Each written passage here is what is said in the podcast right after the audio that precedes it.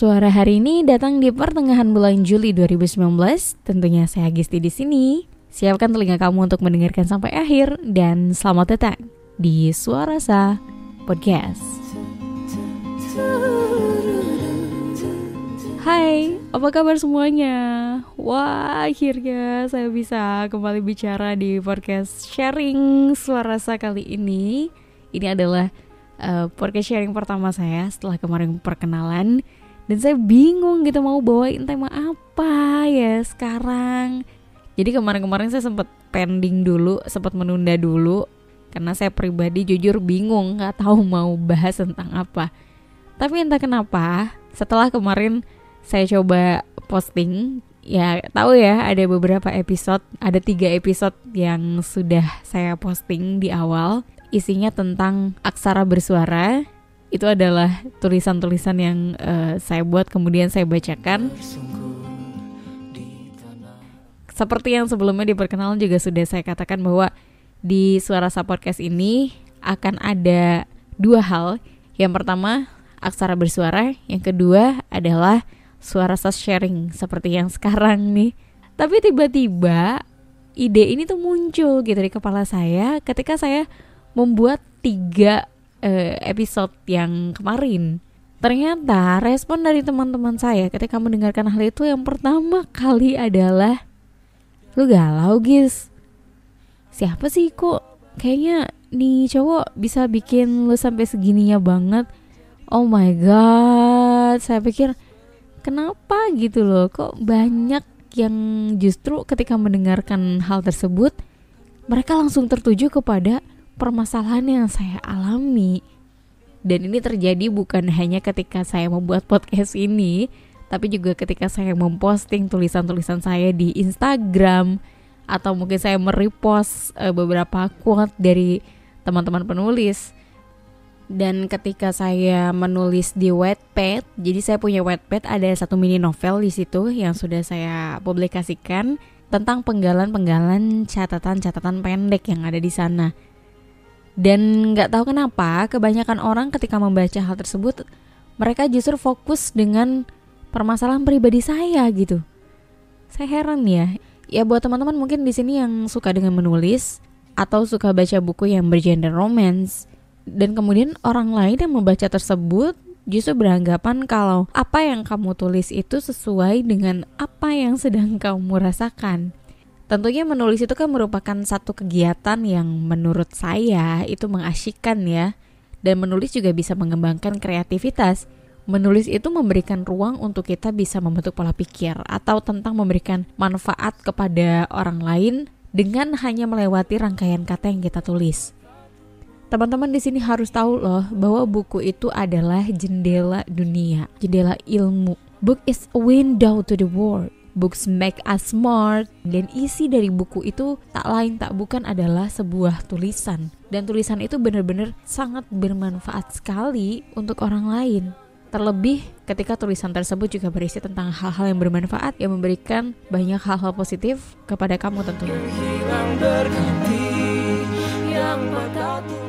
dengan menulis juga bisa mengenang setiap perjalanan kehidupan kita tentang apa itu cinta, apa itu patah hati, apa itu bahagia, apa itu arti perjuangan, dan semua bisa kita rangkum dalam sebuah tulisan. Tulisan itu bisa menjadi salah satu warisan bersejarah karena apa pun yang kita tulis itu akan terekam semuanya di dalamnya. Dan kita bisa menemukan sisi lain dari diri kita dengan menulis. Karena menulis itu memberikan kesempatan kita untuk menjadi abadi. Sebab setiap tulisan itu nggak akan pernah hilang walaupun nanti kita udah nggak ada. Bagi seorang penulis, uh, tentu akan selalu mencari ide-ide apa pun ya untuk menulis.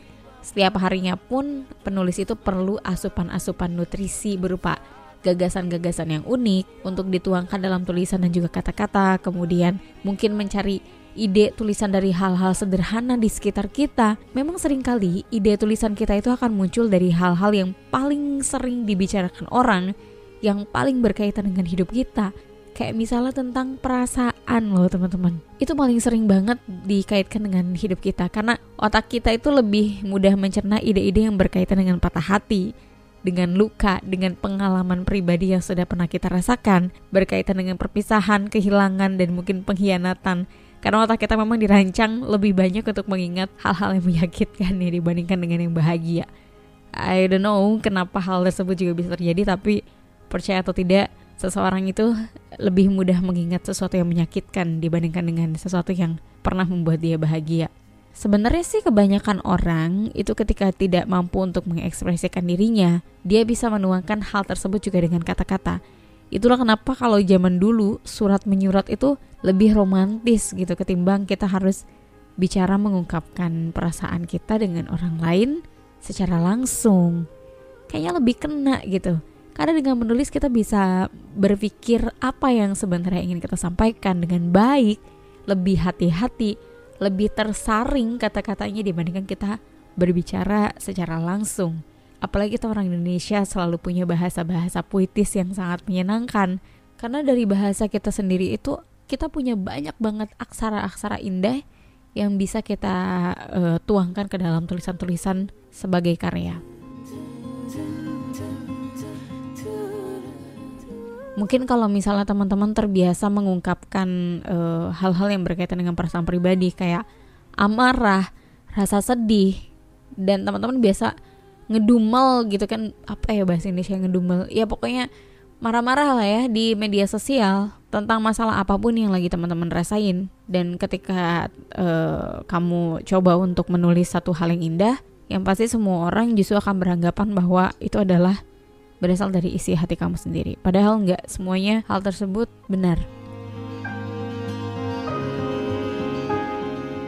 Setiap tulisan itu memang akan mencerminkan pola pikir si penulis. Tapi kita juga harus tahu bahwa nggak semua pola pikir penulis itu akan tertuang dalam tulisan itu. Penulis itu biasanya menulis tulisan tersebut juga dibatasi dengan tema tertentu, judul tertentu, yang tidak selalu berdasarkan isi hati sang penulis. Penulis itu biasanya hanya menyebarkan kemampuan dia dalam berkata-kata, atau bahkan mereka lebih banyak terinspirasi dengan apa yang ada di sekitar mereka. Bisa jadi yang mereka tuliskan itu perasaan orang lain, curhatan temannya, kemudian si penulis ini memposisikan dirinya ketika menjadi orang tersebut seperti apa dan muncullah perasaan-perasaan tersebut dia tuangkan ke dalam tulisan itu entah itu sedih ataupun bahagia tentang percintaan ataupun tentang keluarga, tentang pertemanan, pekerjaan. Itu semua bisa saja ditulis oleh penulis karena melihat apa yang ada di sekitar mereka. Seorang penulis pun juga memiliki batasan-batasan dalam menulis. Jadi jangan pernah menilai seseorang hanya dari tulisan galaunya, karena nggak setiap tulisan galau itu adalah kisah murni dari sang penulis. Dan dengan menulis tulisan galau itu bukan berarti si penulis itu memang benar-benar galau.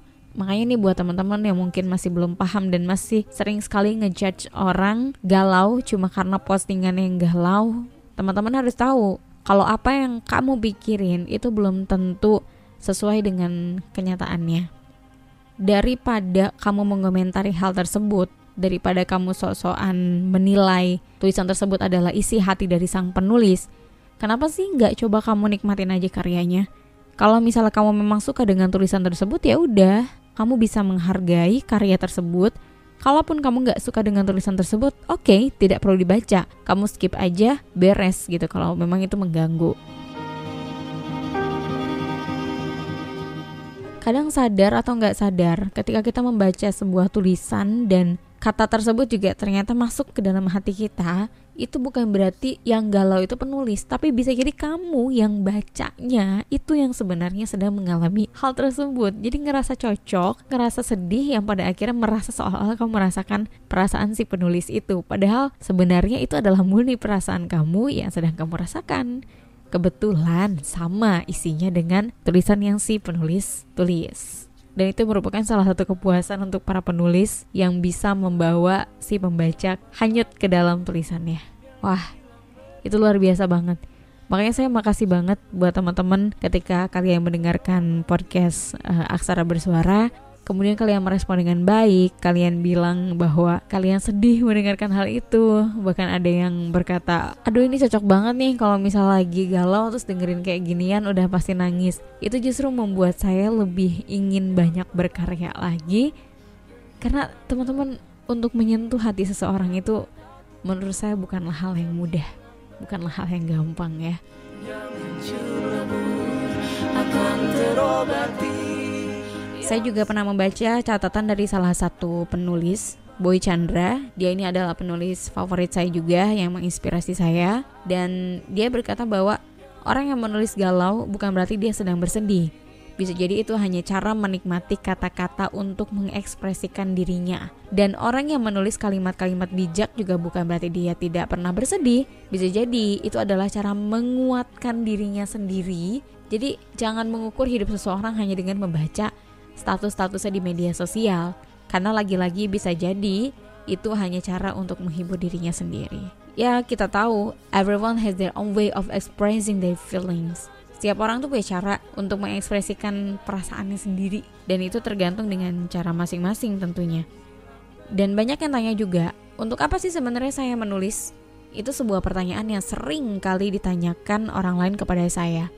Terkadang saya merasa keseharian saya, dunia saya, itu banyak hal yang tidak sesuai dengan apa yang saya inginkan. Karena kita hidup di dunia ini tidak semuanya berjalan mulus, tidak semua harapan kita juga bisa tercapai, dan apa yang terbaik buat kita belum tentu baik, apa yang buruk buat kita belum tentu juga buruk. Dan dengan menulis ini terkadang saya melarikan diri dari semua itu, kemudian saya menemukan sesuatu hal yang baru yang sesuai dengan apa yang saya inginkan hanya dengan menulis saya bisa menciptakan dunia saya sendiri. Saya bisa menulis alurnya sesuai dengan apa yang saya inginkan. Awalnya seperti apa, endingnya seperti apa. Makanya saya kayak kayak merasa senang ketika saya menulis karena saya bisa menciptakan dunia saya sendiri. Dan saya kira itu adalah salah satu alasan kenapa saya menulis. Selain itu juga banyak perasaan-perasaan, kata-kata yang terkadang nggak semua orang bisa mendengar hal itu, nggak semua orang bisa mengerti dengan apa yang kita rasakan, nggak semua orang bisa mengerti dengan apa yang kita ucapkan. Dan dengan menulis, saya bisa menyampaikan semua emosi-emosi saya tanpa harus saya rubah emosi tersebut menjadi amarah, tanpa harus saya rubah emosi tersebut juga menjadi dendam. Jadi ketika saya bersedih, saya berpikir bahwa sebuah kesedihan pun juga bisa berubah menjadi sesuatu yang indah hanya dengan tulisan.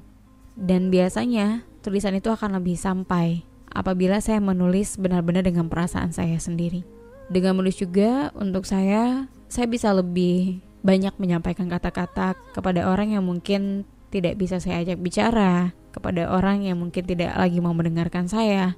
Setidaknya saya tidak memeram kata-kata itu sendirian, saya tidak memeram kata-kata itu dalam hati saya, saya sudah mengungkapkannya lewat tulisan dan setiap tulisan saya percaya suatu saat nanti akan sampai kepada pemiliknya. Entah siapa pun itu, entah hati mana pun itu.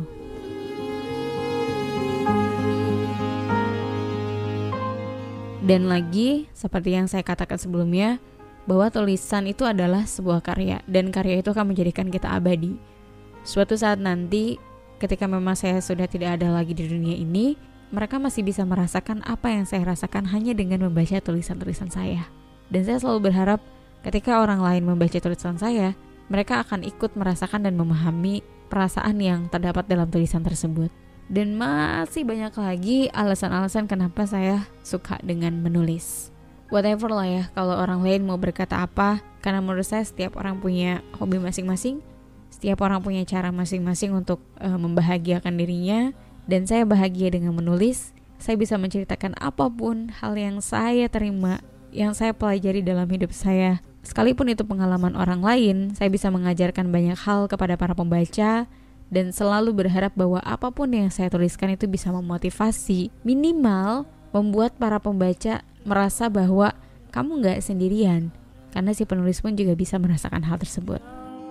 Yang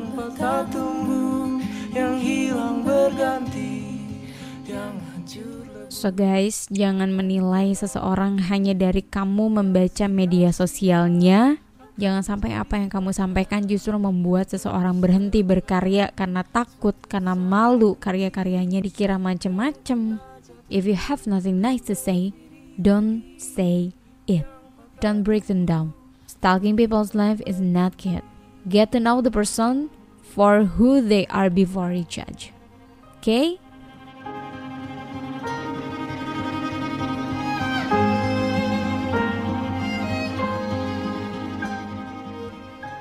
segitu dulu kali ya untuk pembahasan kali ini.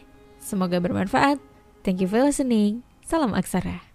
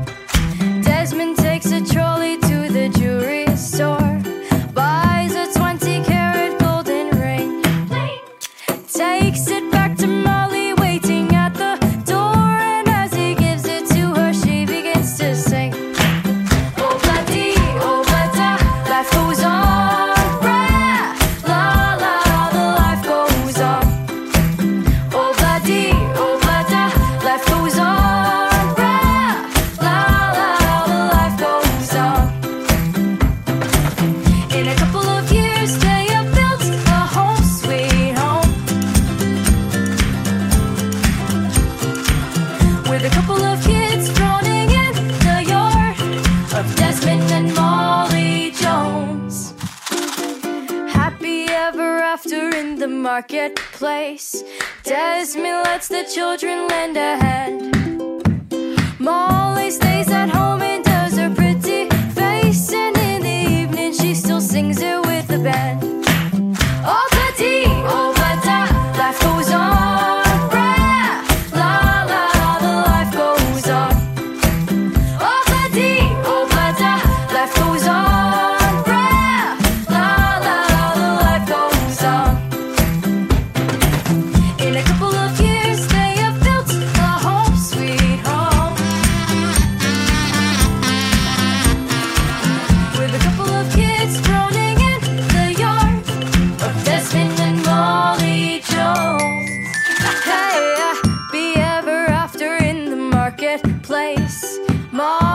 lets the children lend a hand. Desmond stays at home.